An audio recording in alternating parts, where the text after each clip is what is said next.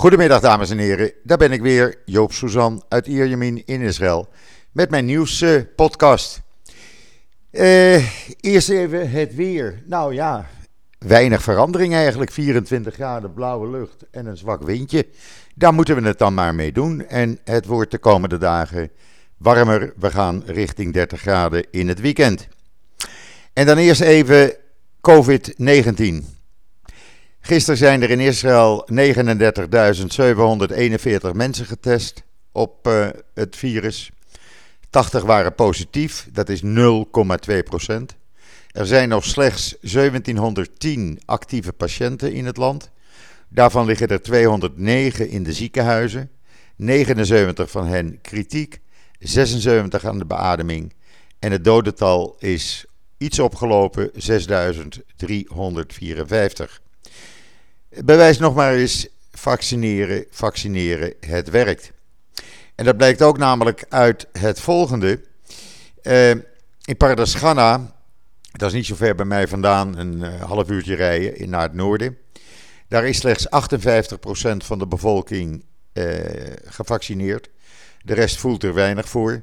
Er zijn nu 13 schoolklassen en drie kleuterscholen in quarantaine. Omdat men besmet, die kinderen zijn besmet geraakt met het coronavirus. Er zijn 48 volwassenen die besmet zijn en het is een kleine stad, ik zou haast zeggen een groot dorp. Uh, ja, het blijkt dus uh, als mensen daar gevaccineerd werden, waren, had dit waarschijnlijk voorkomen geweest. En dan even de politiek. Netanyahu is op dit moment uh, cadeautjes aan het rondstrooien. Hij heeft gisteren uh, uh, gezegd tegen uh, minister Deri van de Jaspartij: Jij mag premier worden voor een jaar, ik twee jaar, dan jij weer een jaar. En ik, mag, en ik blijf in de ambtswoning in Jeruzalem wonen. Deri heeft het afgewezen. Hij heeft toen hetzelfde voorstel gedaan aan Bennett. Daarna heeft hij hetzelfde voorstel gedaan aan Gideon Saar. Daarna heeft hij dat voorstel ook gedaan aan de huidige Knesset-speaker uh, Levin, die trouwens lid is ook van de Likud-partij. Die heeft het ook afgewezen. Uh, nu hem dat niet gelukt is, althans er is nog geen positief antwoord uh, gekomen, en hij wil graag dat Bennett erop ingaat, is hij begonnen een name and shame campagne tegen Bennett op te zetten. Die wordt betaald door een Australische uh, mijnmagnaat. Een meneer Joseph Goodnick. Uh, die heeft in 1996 de campagne gefinancierd onder de leuze Netanyahu is goed voor de Joden. Uh, waardoor hij gekozen werd, Netanyahu, voor zijn eerste termijn als premier. om Bennett onder druk te zetten, uh, is er nu een, uh, dus de campagne opgezet waarbij uh, Bennett van alles de schuld krijgt. En Bennett beschuldigd wordt een, links, een linkse regering te steunen. Dat is niet waar. Bennett heeft namelijk altijd geroepen: ik ben bereid in een, in een rechtse regering te zitten onder iemand anders dan Netanyahu. Zo niet, dan wil ik premier worden en wil ik proberen alle rechtse partijen en de centrumpartijen tot één regering te smeden. Dat is het standpunt van Bennett. Ja, Netanyahu moet er toch iets verkopen, dus doet hij dat op deze manier. Vanmiddag, op dit moment, as we speak, eh, zit de regering schreeuwend bij elkaar, zo luiden de berichten. Want zij moeten voldoen aan de eis van het Hoge Rechtshof om vanmiddag een minister van Justitie en een minister van Sociale Zaken te benoemen. Netanyahu heeft gezegd aan het begin van die vergadering: Ik voel daar weinig voor. Benny Kans heeft gezegd: Het moet gebeuren. We moeten de opdracht, uh, de uitspraak van het Hoge Rechts uh, volgen. Netanyahu wil het niet, omdat hij een permanente minister van Justitie wil hebben uh, in een nieuwe regering die hem goed gezind is. Hij wil ook af van de huidige rechters van het Hoge Rechtshof. Maar ik denk dat hij uiteindelijk overstag moet gaan, want je kan een opdracht van het Hoge Rechtshof niet zomaar eventjes naast je neerleggen.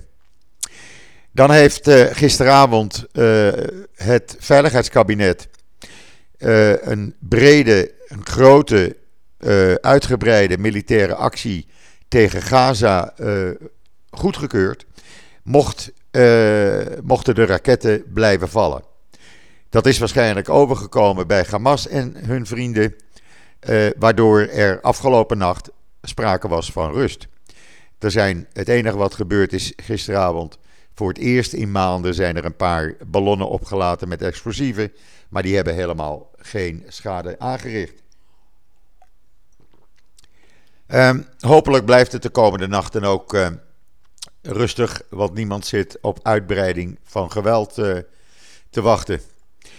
En dan de Europese Unie. De dames en heren die daar de leiding hebben, die geloven Abbas uh, op zijn woord. Want uh, Abbas heeft de, Europese Unie verteld van jongens luister, ik moet die verkiezingen uitstellen, want uh, Israël werkt het tegen. de EU-tsaren die geloven dat en die gaan alweer tekeer tegen Israël.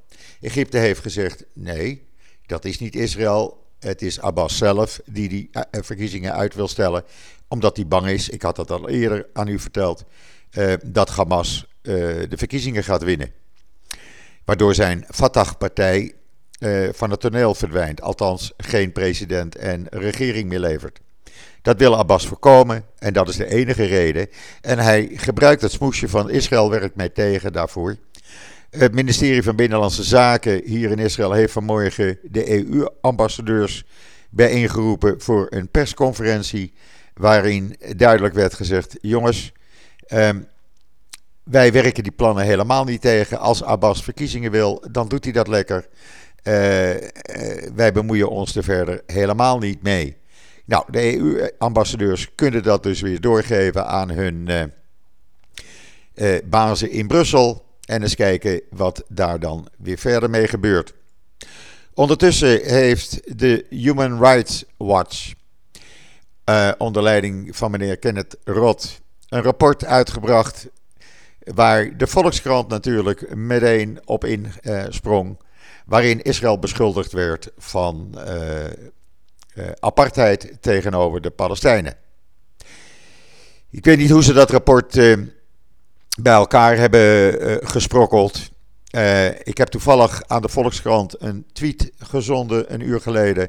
Waarin je kan zien hoe een Israëlische soldaat een Palestijnse vrouw beschermt met zijn schild en zijn lichaam tegen stenen gooiende Palestijnen in Hebron. Uh, Human Rights Watch, het staat erom bekend dat zij altijd tegen Israël zijn en nooit positief. En dat een volkskrant dan meteen kopt: Israël is apartheidstaat en vervolgt Palestijnen. Ja, dan weet je dus ook welke kwaliteit die krant nog over heeft. Niet dus. Ondertussen eh, heeft UN-Watch op uh, Twitter, die vraagt zich af wat uh, de Verenigde Naties eigenlijk bezielt met hun commissie voor vrouwen, waar Israël in september uh, werd beschuldigd als enige land ter wereld dat zij vrouwenrechten schenden. En waar uh, diezelfde eh, VN-vrouwenrechtenorganisatie nu Iran in de commissie voor vrouwenrechten heeft aangesteld. Nou, dan kan je, of dan zie je eigenlijk hoe ver men van de realiteit verwijderd is en welke kant die Verenigde Naties Club opgaat. En dan nog even over het toerisme. Zoals u weet is er een plan om uh, eind mei te beginnen met het ontvangen van uh, de eerste groepen toeristen. Birthright heeft al gezegd: wij beginnen uh, eind mei met de eerste groepen weer naar Israël te brengen. Die dan 10, 12 dagen door het land reizen. Ehm, het ministerie heeft nu plannen opgesteld die wat verder gaan, waarbij ook een timetable is. Uh, eh, 1 juli zouden dan, uh, als alles goed gaat, ook individuele toeristen Israël kunnen bezoeken. Mocht men gevaccineerd zijn. uit angst voor de Indiaanse virusstam is er nu een discussie gaande hier in Israël binnen het ministerie van Volksgezondheid en het ministerie van Transport. Om in ieder geval alle bezoekers die uit uh, risicolanden komen, twee weken in quarantaine te stellen. Uh, men wilde eigenlijk de vluchten vanuit India cancelen, maar dat schijnt technisch een probleem te zijn. Want het, uh, ja, rechtstreekse vluchten kan je wat cancelen. Maar als mensen overstappen in Turkije, wat heel veel doen, en dan vanuit Turkije naar Israël komen, ja, wat moet je dan? Die vluchten ook allemaal gaan cancelen? Eh, dat kan natuurlijk niet.